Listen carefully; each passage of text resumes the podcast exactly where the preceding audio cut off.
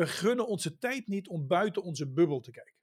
Ga nou één keer per jaar, één keer, naar een congres wat niets met jouw vakgebied te maken heeft. Welkom. Je luistert naar de Thought Leadership Podcast. Een podcast waarin Jochem Kolen en Stefan Lam in gesprek gaan met inspirerende mensen. Hoe zetten zij Thought Leadership in om anderen in beweging te brengen? In deze aflevering praten Jochem en Stefan met Lucien Engelen, strateeg digitale innovatie in de gezondheidszorg. de Thought Leadership Podcast. Stefan, we hebben weer een nieuwe gast in de studio zitten. Ja, en ik heb er zin in. Ik heb zin in het, eh, in het komende gesprek, eh, Jochem. Ja, ik ook man. Lucien Engelen, eh, al 30 jaar bezig met eh, transformatie in de zorg. Hij spreekt op allerlei congressen over technologie en innovatie. Was ooit de oprichter van het eh, Radboud Reshape Center for Innovation. Is inmiddels verbonden aan eh, Deloitte en Singularity University. Eh, die moet ons wel mooie dingen gaan vertellen. Ja, en hij is ook heel zichtbaar. Ik zie video's, podcasts, nieuwsbrieven. Op LinkedIn is hij heel actief. In mijn ogen, en ik denk ook in jouw ogen, Jochem, is het echt een thought leader. Ja, absoluut. Hij probeert eh, ervoor te zorgen dat mensen een soft landing into the future eh, kunnen maken. Dus ik ben heel benieuwd hoe die eh, zachte landing in de toekomst eruit gaat zien voor eh, gezondheid en voor zorg. En dat gaan we horen van Lucien. Ja, want Lucien zit bij ons in de podcast. Welkom, Lucien. Nou, leuk om hier te zijn. We zitten in de Thought Leadership podcast en we gaan het natuurlijk hebben over thought leadership. Een thought leader is een autoriteit binnen een vakgebied of op een relevant thema. Thought leadership kun je niet claimen, je moet het verdienen. En dat verdienen doe je door gepassioneerd je eigen unieke visie uit te dragen. En hiermee breng je anderen in beweging en realiseer je uiteindelijk verandering. Wat is volgens jou een thought leader, Lucien? Nou ja, wat ik belangrijk vind in jullie definitie, want er zijn er natuurlijk gewoon meerdere, denk ik zomaar, eh, is dat je zegt, dit is niet iets wat je zelf kunt claimen. Dit doen anderen je aan. Eh, door eh, te zeggen, weet je, eh, je moet hem of haar hebben als het over dat onderwerp gaat. En dat komt omdat je dingen gedaan hebt die kennelijk impact hebben gemaakt of opgevallen zijn. Opgevallen zijn, dat is natuurlijk makkelijk. Je kan natuurlijk op de dam lopen schreeuwen of weet ik wat dan ook, maar dat bedoel ik niet. Maar dat kennelijk het mensen aan denken gezet heeft. Want je hebt het over thought leadership en niet alleen over leadership. Het zijn twee verschillende dingen voor mij. En thought leadership betekent dat je mensen aanzet eh, om na te denken. Eh, dat wordt vaak ehm, eh, gezien, zeker in, als het over innovatie gaat, als mensen die zogenaamde futuristen zijn, zeg ik dan altijd maar. Hè, zo, wij kijken naar de toekomst en wat er allemaal gebeurt. Ehm, dat vind ik geen thought leadership. Thought leadership voor mij is de combinatie te maken van de signalen op te pikken van waar de ontwikkelingen heen zouden kunnen gaan. In combinatie met technologie, maatschappelijke ontwikkelingen, beleidsontwikkelingen, de behoeften in de samenleving. In mijn geval dan specifiek in de zorg. Eh, in combinatie met hoe ga je nou zorgen dat er ook mensen door in actie komen. Eh, en dat betekent altijd dat je, voor mijn gevoel, met één been in, in het kijken naar buiten staat, zeg maar. En het andere been eh, binnen hebt staan, wat dan ook binnen mogen zijn. Om te zorgen dat het ook gebeurt. Ja, een hele mooie, de, mooie beschrijving, denk ik. De, de actiegerichtheid, het mensen in beweging brengen, dat is eh, wat ons betreft ook heel erg belangrijk. Als we kijken naar jouw thought leadership, Lucien, dan eh, denk ik dat je met name mensen binnen de zorg in beweging wil brengen, bestuurders van ziekenhuizen, maar misschien ook wel andere partijen. Je hebt het volgens mij ook over supermarkten en telecomproviders. Wat, wat is de groep mensen die volgens jou in beweging moet gaan komen om eh, jouw visie werkelijkheid te laten worden? Of misschien moeten we eerst even kijken naar die visie. Wat is in twee zinnen jouw visie? Nou, laat ik eerst even beginnen met, eh, met, met eh, jouw eh, doelgroep, zoals je die bij mij ziet kennelijk. Voor mij is dat niet bestuurders. Die zijn dat uiteraard ook, laat ik even opstellen. Voor mij is het over de volle breedte van de zorg. En dat begint dus bij de patiënt, de familie en de mantelzorg, bij van spreken. Dat gaat vervolgens natuurlijk ook over verpleegkundigen en over artsen. Het gaat ook over bestuurders en hun raden van toezicht. Maar het gaat ook over al die andere mensen die in de zorg werken op een ICT-afdeling, in een laboratorium. Die zorgen dat de logistiek op orde is. Die zorgen gewoon dat het systeem werkt. Dus voor mij is mijn doelgroep is altijd geweest en zal ook altijd blijven de volle breedte. Ehm, waarbij er ook verschillende uitdagingen zitten. Als je naar een ICT-afdeling kijkt, om maar een voorbeeld te noemen. Die, en ik ga het nu even heel plat slaan hoor, dus ehm, die vaak ingericht zijn op het beheren van systemen die zitten niet altijd te wachten op het feit dat er overmorgen in één keer weer een complete ommezwaai moet komen of we dingen in één keer anders moeten gaan doen. Uh, dus daar moet je mensen wel in meenemen. En dat betekent ook dat je op basis daarvan, en daar komen we straks ongetwijfeld over te spreken, hoe je dat dan doet. Dus, dus dat is voor mij één, dat is mijn doelgroep. Dus de doelgroep is eigenlijk gewoon de maatschappij van hoe gaan we dit soort dingen voor elkaar krijgen.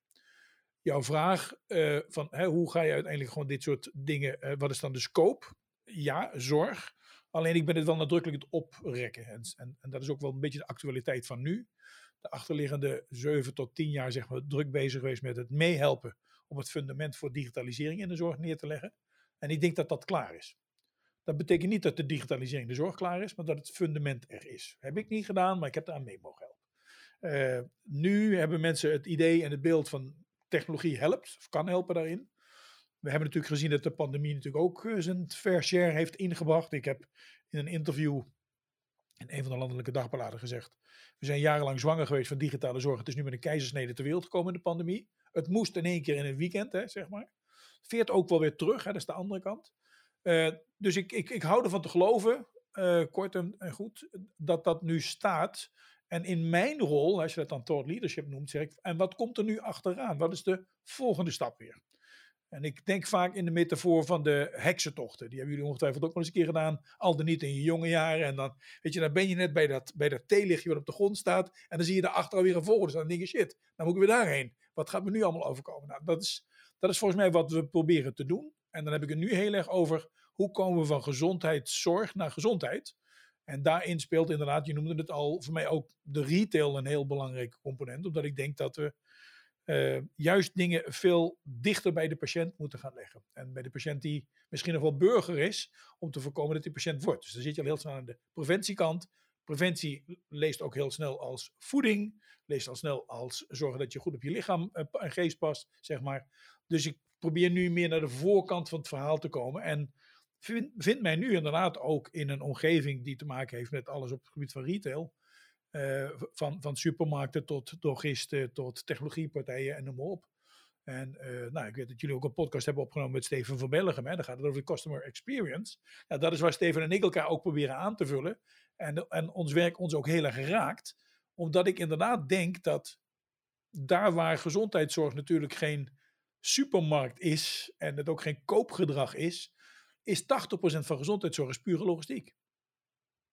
Nou, daar heeft de retailsector meer verstand van dan de gezondheidszorgsector. En dan heb ik het niet over de logistieke vraagstukken, maar hoe doe je dat? User interface. Hoe maken we het makkelijk voor mensen? User experience. Hoe zorgen we dat de beleving goed is zonder dat het dadelijk een Efteling moet worden? Uh, dus die combinatie probeer ik altijd neer te leggen. En ja, dat is dan ook zeker voor de komende, weet ik het, vijf tot tien jaar uh, als het mij gegeven is natuurlijk, wel mijn, mijn leidmotief om juist die combinatie neer te leggen. Ja, want het klinkt heel erg alsof jij verkennend bezig bent. Zeg ik dat, zeg ik dat goed? Je, je, je gidst mensen eigenlijk naar het volgende theelichtje? Ja, dat zijn twee verschillende dingen. Verkennen is, is, is, uh, is, uh, is niet iets actiefs, zeg maar. Dat is kijken. Uh, gidsen, ik denk dat dat het juiste woord is, Jochem. want dat is wel wat ik probeer te doen, want daarmee maak je hem ook concreet. Ja, precies. Want hoe maak je het concreet? Want dit is best wel een grote doelgroep. Hè? Je hebt het eigenlijk over de maatschappij, zeg je zelf. Ja. Wat is dan het, en inderdaad, verkennen is niet het juiste. Hè? Waar gids je ze dan naartoe? Wat is, het, wat is het punt wat jij voor ogen hebt? Nou, als ik kijk naar hoe ik dat probeer te doen, dan is het heel erg om mensen mee te nemen om te laten zien wat er aan het gebeuren is. En dat meenemen, dat is soms fysiek. Ik heb in mijn radboudtijd heel veel mensen mee mogen nemen naar, naar San Diego, waar een congres Exponential Medicine was, ieder jaar van Daniel Kraft, Singularity University, om mensen daar te laten zien, wat komt er in de komende twintig jaar op je af? En nee, al die techniek die daar op het podium getoond werd, die was nog niet helemaal concreet altijd. Maar vijf jaar later was het er. En tien jaar later was het mainstream. Weet je, dat soort dingen. Dus soms fysiek meenemen. Uh, meenemen kan ook betekenen dat je mensen laat zien in de vorm van presentaties, masterclasses, noem maar op. Joh, dit is er aan het gebeuren op de rest van de wereld. En tijdens mijn uh, reizen voor al de lezingen die ik mocht geven, uh, voor corona natuurlijk fysiek en daarna digitaal en, en nu ook wel weer fysiek, ja, heb ik er ook altijd sport van gemaakt om juist instellingen, overheden, bedrijven te bezoeken om ook te horen van hun wat er speelt. En dat kon ik dan weer meenemen in mijn presentaties en noem op. Drie, ook meenemen om te kijken of dat we veel van dat soort dingen konden borgen, bijvoorbeeld in de curricula, van opleidingen. Voor geneeskunde, verpleegkunde, uh, op allerlei andere manieren. Want dan borg je hem. Weet je, het is leuk dat je een presentatie bijwoont. Maar zolang we dat niet borgen in de opleiding, moet ik er ook gelijk bij zeggen, in 2015 hebben we het curriculum voor geneeskunde in de Radboud en de Radboud Universiteit uh, aangepast. Het is nu 2022. Dit jaar komen de eerste dokters die volgens dat curriculum zijn opgeleid uh, beschikbaar. Er zit natuurlijk ook een enorme lek in. Maar als we hem daar niet dichtmaken, uh, ook meenemen is, en dat is ook wel, het trucje is, is wat veel gezegd, maar ik heb in 2011 en 12 hebben we de eerste TEDx op het vlak van gezondheidszorg georganiseerd. Dat was toen in Maastricht. Hebben we als Radboud bewust in Maastricht gedaan, omdat we wilden dat niet zoveel aan onszelf kleefde, maar was breder. En het trucje eigenlijk, als ik het nou zo mag noemen, was dat ik collega's van mij uit het Radboud, waarvan ik vond dat ze ongelooflijk goed waren, een podium wilde bieden. Dus wat doe je dan? Nou, dan organiseer je een congres. Dat was toen TEDx, samen met Jimmy Stolze destijds nog, hè, die, die het naar Amsterdam gehaald had. En we konden dus onze eigen collega's op het podium zetten en daar andere mensen ook bij zetten om te laten zien wat gebeurt er in die zorg. Nou ja, dat vonden we. We hebben zelf gevonden altijd, en anderen gelukkig ook, dat het een enorm succes was. Um, zeker de eerste twee keren. En daarvoor hebben we het ook in Nijmegen gehad. En dat was het ook uh, hartstikke goed. Dus het is een beetje een soort van toolbox. Um, waar je uh, soms individueel en soms gewoon in een bredere groep gewoon gebruik van maakt. Maar soms ook één op één. Hè, dat je echt gewoon met een jonge dokter of een jonge verpleegkundige of een jonge onderzoeker of wat dan ook gewoon aan de slag gaat. Uh, en, en ze dus meeneemt omdat ze beoogd talent zijn, omdat ze straks afdelingshoofd worden of dat ze hoogleraar worden. Om juist met hun apart in gesprek te gaan, ook te kijken waar kun je dit gewoon aanhaken, zeg maar. Uh, en dan daar kijken dat zij ook op die podia, of in de vorm van blogpost, of een video opnemen. Sociale media heb ik natuurlijk gewoon ja, over de volle breedte gebruikt. Um, uh, en, en, en, en, nog steeds natuurlijk. Um, dat, dat helpt natuurlijk wel, laat ik het dan zo stellen. Ja, interessant. Daar gaan we het straks ook even over hebben. En uh, wat ik mooi vond wat je zei, ik, ik neem mensen mee hè, uh, met wat er nu aan het gebeuren is. En tegelijkertijd zei je ook, ik geef ze ook een kijkje van wat er over twintig jaar gebeurt. Uh, net zei je ook, futuristen zijn geen thought leaders. kun je dat nog iets verder, verder uitleggen? Nee, dat heb ik volgens mij niet gezegd. Volgens mij heb ik gezegd dat er een verschil zit tussen futuristen en thought leaders. Dat wil niet zeggen dat ze niet hetzelfde zijn. Waar mij even om gaat, er zit, er zit meer dan nuanceverschillen, Stefan. Voor mij is het verschil is, is en, en er is niks mis met futuristen, hè? don't get me wrong, maar ik vind dat een iets andere rol. Die kijken naar wat er gebeurt en ik kijk dus niet naar wat er gebeurt over twintig jaar, maar ik kijk ook over vijf jaar en ik kijk ook over morgen. En mijn vraag is wat gaan we vandaag doen om klaar te zijn voor morgen? En daar zit een actiestuk in en dat vind ik even het verschil. En dat komt ook door de rollen die ik heb mogen bekleden, zowel in het Radboud als ook op andere plekken, hè, om juist proberen dat concreet te maken. En dat, dat vind ik het verschil heel even. En, en, en die rollen zijn allemaal nodig. En, en, en zeker ook in mijn presentaties, dat mensen zeggen, ja, Lucien, dat is nog zo ver weg. Ja, maar kijk nou even door je oogharen heen wat de ontwikkeling op al die vlakken is om een beetje te zien waar het ongeveer naartoe gaat. Dat is waar dat dan even. Dus ik, ik, ik leef niet zozeer in, in over twintig jaar, hè, waar ik het daar heel erg over had, was dat congres. Waar mensen juist mee konden nemen, ook letterlijk en fysiek, ook grotere groepen. En ik vergeet nooit meer dat een van mijn collega's, uh, en ik mag het van hem ook vertellen, Kees van Laarhoven, hoogleraar chirurgie uit het Radboud, met zijn, met zijn krullenkop en zijn blauwe ogen op een gegeven moment mij aankijkt en zei, Lucien, mijn vak bestaat niet meer over tien jaar. Kees, wat gaan we dan doen? En niet om het vak te beschermen, maar hij is vervolgens vanuit zijn vakgebied heeft hij een soort van afslag genomen om zich te richten op het voorkomen van een aandoening waar hij heel erg goed in was om dat te doen. Dus hij doet en en. Hè? Hij is niet gestopt met het een, maar dat is wat ik heb geprobeerd te doen en, uh, en nog steeds doe op dagbasis. Ja, dus eigenlijk kun je stellen dat zonder dat blik op de toekomst kun je andere mensen niet meenemen. Um, ja, en daar vul ik dan bij aan. Eh, hij die de geschiedenis kent, kent de toekomst. Het gaat twee ja. kanten op. Hè? Want ja. we zien natuurlijk ook wel weer gewoon herhalingen van wat er gebeurd is. En, en proberen die dingen te combineren en naar een, naar een werkbaar model. Dat is, waar ik, uh, dat is waar ik leef, zeg maar. En als ik zie wat voor kanalen jij gebruikt, hè? jij staat uh, nou, vaak op het podium, hè? Je, je houdt keynotes. Uh, ik zie jou op de voorkant van, uh, van, van het tijdschrift staan. en ik vind dat jij heel aanwezig bent op, op social media. Um, hoe is die mix voor jou? Ben je daar heel bewust mee bezig of gaat het allemaal heel automatisch? Ja, beide. Uh, ik ben begonnen en Marco Derksen, destijds van, van Marketing Facts is dat schuld, die zei: Jij moet op Twitter, hè, want daar, daar, gebeuren allerlei dingen. En wat jij wil doen, dan ga je daar kijken, ga maar eens luisteren. Nou, dat heb ik gedaan. Daar heb je nu 22.000 volgers. Ja, zo, dat kan. Um, en uh, dus dat is een kanaal wat ik veel gebruik. Privé, zeg maar, gebruik ik Facebook een beetje, maar niet echt. Uh, ben vervolgens bij, uh, met LinkedIn aan de slag gegaan en heb daar ook wat stukjes opgezet. Totdat ik op een gegeven ogenblik een brief kreeg.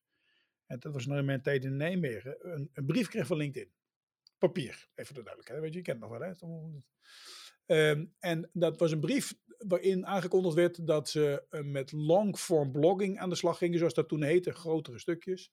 En of ik niet een van de, hun eerste influencers wilde worden uh, in het rijtje samen met, komt die, Barack Obama, Richard Branson en weet ik wie allemaal. Dus ik heb mijn secretaresse eens aangekeken en zei, nou, kom maar op met die camera. Ik denk, je wordt die gewoon vreselijk met de neus genomen. Banana split of zoiets. Um, zij heeft toch gebeld naar, naar Delaware, waar die brief natuurlijk ook vandaan kwam. Het bleek dus toch echt, echt te zijn. En nou ja, goed, ze hadden mij kennelijk op de korrel en ze wilden met 100 influencers beginnen. Natuurlijk om dat longform blogging, blogging marketing-wise in de, in de stijgers te zetten. En ik ben daarmee begonnen en, en dat heeft mij geen windeieren gelegd. Even voor de, in, de, in de volle breedte. Want ik kreeg daarmee een podium om de dingen waar ik mee bezig was, de dingen die ik zocht en ook wilde onderzoeken, uh, breed weg te zetten. Want dat was het verschil tussen Twitter en LinkedIn voor mij. Twitter is heel erg van de korte dingen en noem maar op allemaal. En op LinkedIn, als ik daar iets op zet, dan kreeg ik hele discussies onder mijn blogs. Die uh, van, van, van 1000 volgers naar 10.000 naar 20.000 en inmiddels over de 800.000 volgers gewoon heb. Die echt serieus gewoon in de comments met mij aan de bak gaan. Ook op een manier dat ik denk, ja, kan ik natuurlijk niet bijhouden. Maar de grap is, ze gaan met elkaar in gesprek. En dat biedt mij dus ook de mogelijkheid om over de volle breedte, zowel geografisch als op inhoud, te kijken wat vinden mensen hier nou van. Hoe reageren ze daar nou gewoon op? Um, en, en dat gebruik je dus heel bewust, laat ik het zo stellen. Uh, uh, ook, heel bewust in de zin van uh, hoe ga je nou uiteindelijk zorgen dat je met dat soort kanalen ook mensen in de picture kunt zetten. Of juist nieuwe ontwikkelingen kunt duiden of kunt vragen, wat vinden mensen daar nou gewoon van? Um, ja, en dat vind ik heel mooi om te doen. nou, vervolgens is LinkedIn begonnen met een, een nieuwsbriefservice ook. Nou, dat kregen we natuurlijk als influencers ook de eerste kans voor om te doen. Dus dat heb ik ook gedaan. Ik dus proberen met een interval van ongeveer twee, drie weken daar een, een, nieuwsbrief te maken van dingen die ik zie, dingen die ik gelezen heb, die ik interessant vind, die ik opgeslagen heb. Ja, daar hebben zich 150.000 mensen of zoiets op geabonneerd inmiddels. Ja, dat is bizar. Ja, wat mooi ik had eigenlijk de vraag van, hoe komt dat stukje papier, hoe kwam dat dan in je bus? Hè? Wat, wat, was dan hetgene wat je daarvoor gedaan had, dat LinkedIn jou opmerkte? En dat was eigenlijk Twitter, of zo waren dat ook andere dingen? Ik, ik weet het niet. Ik, ik heb natuurlijk uh, ik heb Twitter uh, gebruikt, maar ik gebruikte ook uh, mijn en, ehm, Posterous blog. Hè, daar blogde ik dan op. Oh ja. Inmiddels bestaat dat niet meer. En dat stuurde ik natuurlijk gewoon de wereld in via Twitter en dergelijke. En, en, en ook daar kreeg ik dus reactie op. Dus ja, het zal een combinatie van dat soort dingen zijn geweest. En ik heb altijd wel gedeeld waar ik mee bezig was. En, en ook erg open. Hè? Je kunt natuurlijk ook over kiezen om dingen gewoon onder de tong te houden en daar gewoon lekker uh, geld mee te gaan verdienen. En ik denk, ja, dat, is, dat moet niet meer rol zijn. Uh, dus ja, op een of andere manier heeft er iemand bij LinkedIn heeft dat gezien en heeft gezegd van nou laten we die van Engels vragen. En zo groeit het stap voor stap. Ja, nou ja en dat helpt dus ook. En dan, en dan krijg je nu natuurlijk allemaal nou ja, ik, ik hou het natuurlijk niet meer bij. Hè? Dat is de andere kant van de mensen die je volgen. Dus, uh, maar je krijgt natuurlijk ook allerlei interessante verzoeken via LinkedIn. Hè? Van iemand die een bedrijfje heeft of die een nieuw product heeft die dat aan de man probeert te brengen. Maar uh, ook ontwikkeling van ik denk van wacht even, hier moet ik even naar kijken. Dus je komt daarmee ook wel aan de voorkant van veel van die processen. Dat iemand zegt van ja, kan ik even een kwartier tegen je aanpraten. Nou, dat heeft daartoe geleid dat ik op mijn website ook, ik heb zo'n Calendly uh, account genomen, hè, waarmee mensen gewoon kunnen plannen, zoals je weet dat ik daar ook gewoon de mogelijkheid heb gegeven aan mensen. Ja, weet je wel, als je nou een keer een kwartier tegen me aan wil praten of als ik een keer mee kan, ja, doe ik dat graag. Nou, moet ook heel eerlijk zijn. Ik moet ook hagelslag kunnen kopen af en toe. Dus hè, uh, met sommige mensen heb ik al een verbinding of een overeenkomst of wat dan ook. En anderen niet. Hè. Het, het, lukt me niet om voor iedereen een uur vrij te maken. We gaan luisteren naar een businessplan of noem maar op. Uh, nou ja, dan doe ik dat op die manier. Dus dan werkt het ook twee kanten op, zeg maar. En dan kan ik ook blijven doen wat ik doe. En voor andere dingen waarvan ik denk van nou, dit moet gewoon gebeuren en daar, daar dat is ook geen commerciële uh, component. Ja, kan ik dat ook gewoon zonder de commerciële uh, uh, kant van de medaille doen. Lucien, net had je het over mensen die jou glazig aankeken. Zo van, eh, die van Engelen, Ja. die is, niet helemaal, is niet helemaal lekker. Dat, eh, wat die nou allemaal zegt, voor, dat, ja. eh, dat gaat helemaal nergens over. Jij ziet wel het belang van deze dingen. En waarschijnlijk is het ook heel belangrijk voor de mensen waarmee je eh, spreekt of waarvoor je spreekt. Maar het is nog niet urgent voor ze. En COVID heeft natuurlijk een behoorlijke versnelling eh, op bepaalde dingen gezet. Maar wat is jouw eh, tip voor mensen die te maken krijgen met een doelgroep, voor wie dingen wel belangrijk zijn, maar op dit moment nog niet urgent? Hè, voor mensen die ook wel eens voor een groep staan, die hen aankijkt alsof ze water zien branden. Ja, weet je, Jochem, laat ik beginnen. Daar is geen quick fix voor. Dit is gewoon keihard werk. Dit is frappé toujours. Dit is mensen. ehm, op het moment dat ik iets tegenkom op sociale media of, of op het web, een link sturen ze, kijk hier eens even na. Dat ze dan artikel van iemand anders zien en dan volgende week krijgen ze er weer een. En dan hebben ze er al twee. En dan, dus dit is ook één graad per, per maand proberen het beeld te veranderen. Dat is één. Dus dat is gewoon keihard werk. En met zijn gesprek gaan, eh, eh, p- kleine projectje proberen op te pakken, dat soort dingen. Tweede wat ik altijd doe, en, die werkt vind ik altijd goed, eh, is mensen na mijn keynote een, een belangrijk advies geven. En dat advies komt dat ik zelf natuurlijk aan de lijve heb ervaren, tientallen jaren lang, dat je ochtends in de zorg binnenkomt. was altijd vroeg, hè, om zeven uur op de zaak, zeg maar. Eh, en dan kom je in kunstlicht en een airconditioning, kom je binnen en s'avonds ga je om zeven of acht uur naar huis en denk je, shit, het heeft gesneeuwd. De wereld draait echt gewoon door terwijl je bezig bent. En dat is denk ik een hele belangrijke, zeker in de zorg en ook in veel andere sectoren. We gunnen onze tijd niet om buiten onze bubbel te kijken. En wat ik dan in mijn presentaties altijd doe, als een van de laatste dingen is van, ga nou één keer per jaar, één keer, naar een congres wat niets met jouw vakgebied te maken heeft. En dan bedoel ik niet de gynaecoloog die naar een cardiologisch congres gaat. Nee, ga naar een congres over financiering. Of over tuinieren. Of over de bouwmarkt. I don't care. Zodat je ziet dat er nog veel meer is buiten jouw eigen vakgebied. Dat je kunt leren misschien wel van de dingen die ze daar hebben gedaan en hoe ze het hebben gedaan. Dat je ook ziet dat er een gemeenschappelijke, gemeenschappelijke uitdaging in dat kader is. En de grap is, ik krijg dus regelmatig, vaak via LinkedIn of ook via Twitter, terug dat mensen zeggen, ik heb dat gedaan en dat was lachen joh. En vervolgens zijn wij met X of Y aan de slag nu, die heb ik naar binnen gehaald. En nou ja, weet je, dus dat is gewoon heel leuk om te zien. En dat, ja, dat advies dat geef ik al jaren. En, en ik denk dat dat werkt. Weet je, je moet mensen ook af en toe uit hun eigen bubbel halen. Eh, Want dan heb je gewoon je eigen waarheid. En, en die waarheid, die gaat ook niemand je bestrijden. Het gaat niet om tegengas te geven, maar ook om eens te zien van, oh wacht even, dat doen ze op, een, op die plek op een andere manier. En ja, volgens mij werkt dat. Het ging net over, eh, eh, jij, jij plaatst blogs op LinkedIn bijvoorbeeld en daar komen reacties op. En het mooie is dat mensen uiteindelijk met elkaar in gesprek gaan. Hè? Dus jij, jij maakt wat los.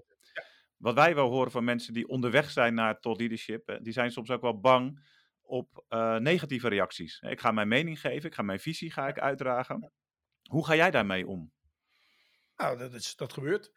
Eh, en, en ik vind dat een integraal onderdeel van het proces. Eh, het, het scherpt je, het houdt je ook scherp. Het zorgt ook dat je niet met de werkelijkheid een loopje aangaat. En ja, weet je, we trollen die hebben we altijd gehad en die zullen we ook altijd blijven hebben. Dus ja, daar moet je beginnen ook gewoon negeren. Daar reageer ik ook gewoon niet op. Iemand die iets roept om iets te roepen, daar ben ik gewoon klaar mee. Als in, ja, daar ik geef niet eens antwoord. Weet je, dat, eh, daar stop ik ook mee. Eh, mensen die een antwoord geven omdat ze iets niet snappen, probeer ik gewoon uit te leggen. Eh, maar ze moeten het wel willen snappen. En willen snappen niet dat ik nou de wijsheid in pacht heb, maar willen snappen wat ik bedoel en waarom ik dat bedoel, zeg maar. Eh, en dan hebben we de categorie van mensen die, die, die, eh, die zeggen, ja, maar hoe, moet ik hiermee omgaan? Nou ja, daarvan ik hou ervan om proberen dat soort mensen mee te kunnen nemen. Om te zeggen, weet je, kijk hier eens of kijk daar eens. Of hè, steek je licht eens even op die website op of, of volg die persoon eens heel even.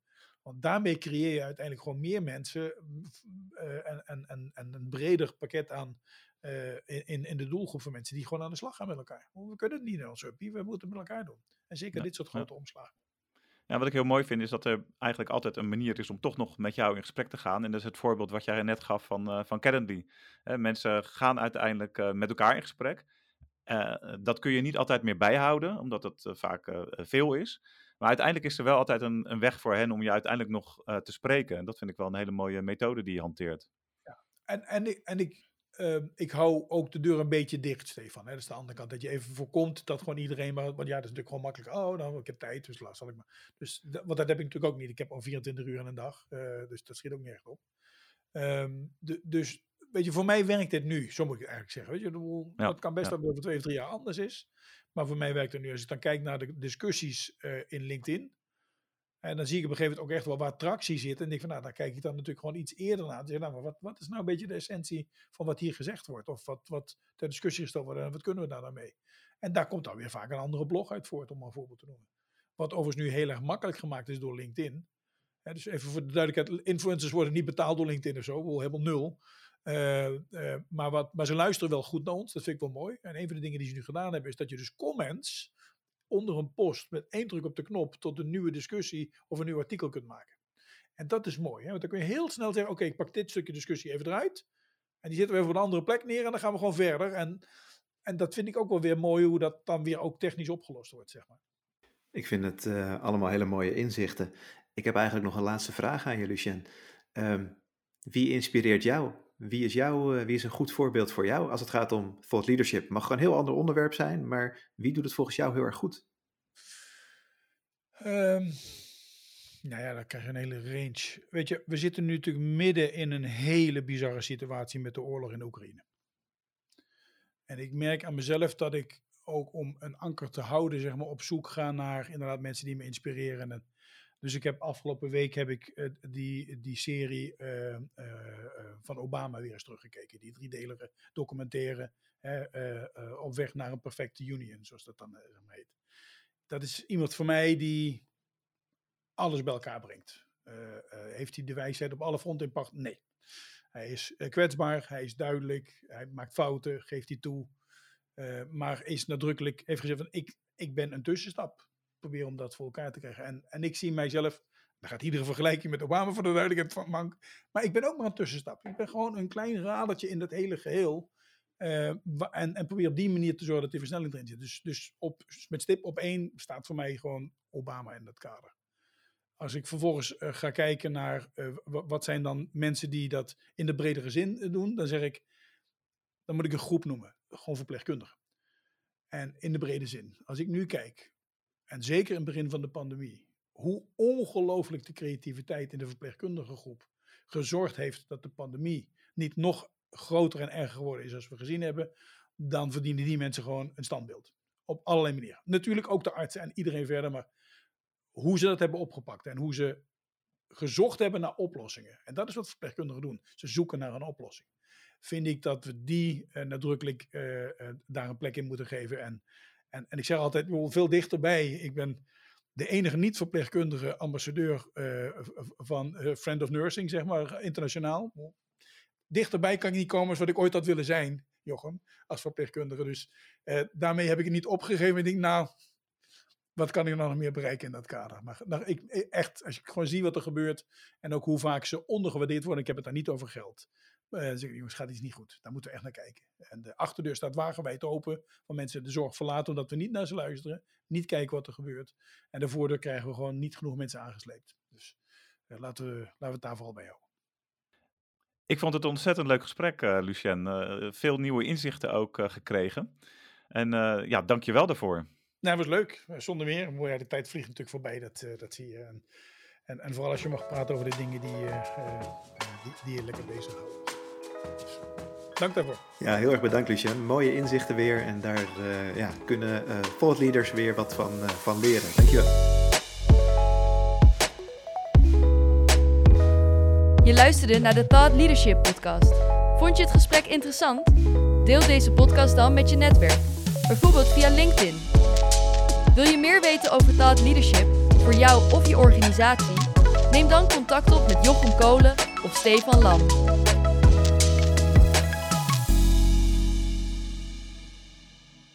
De Thought Leadership Podcast.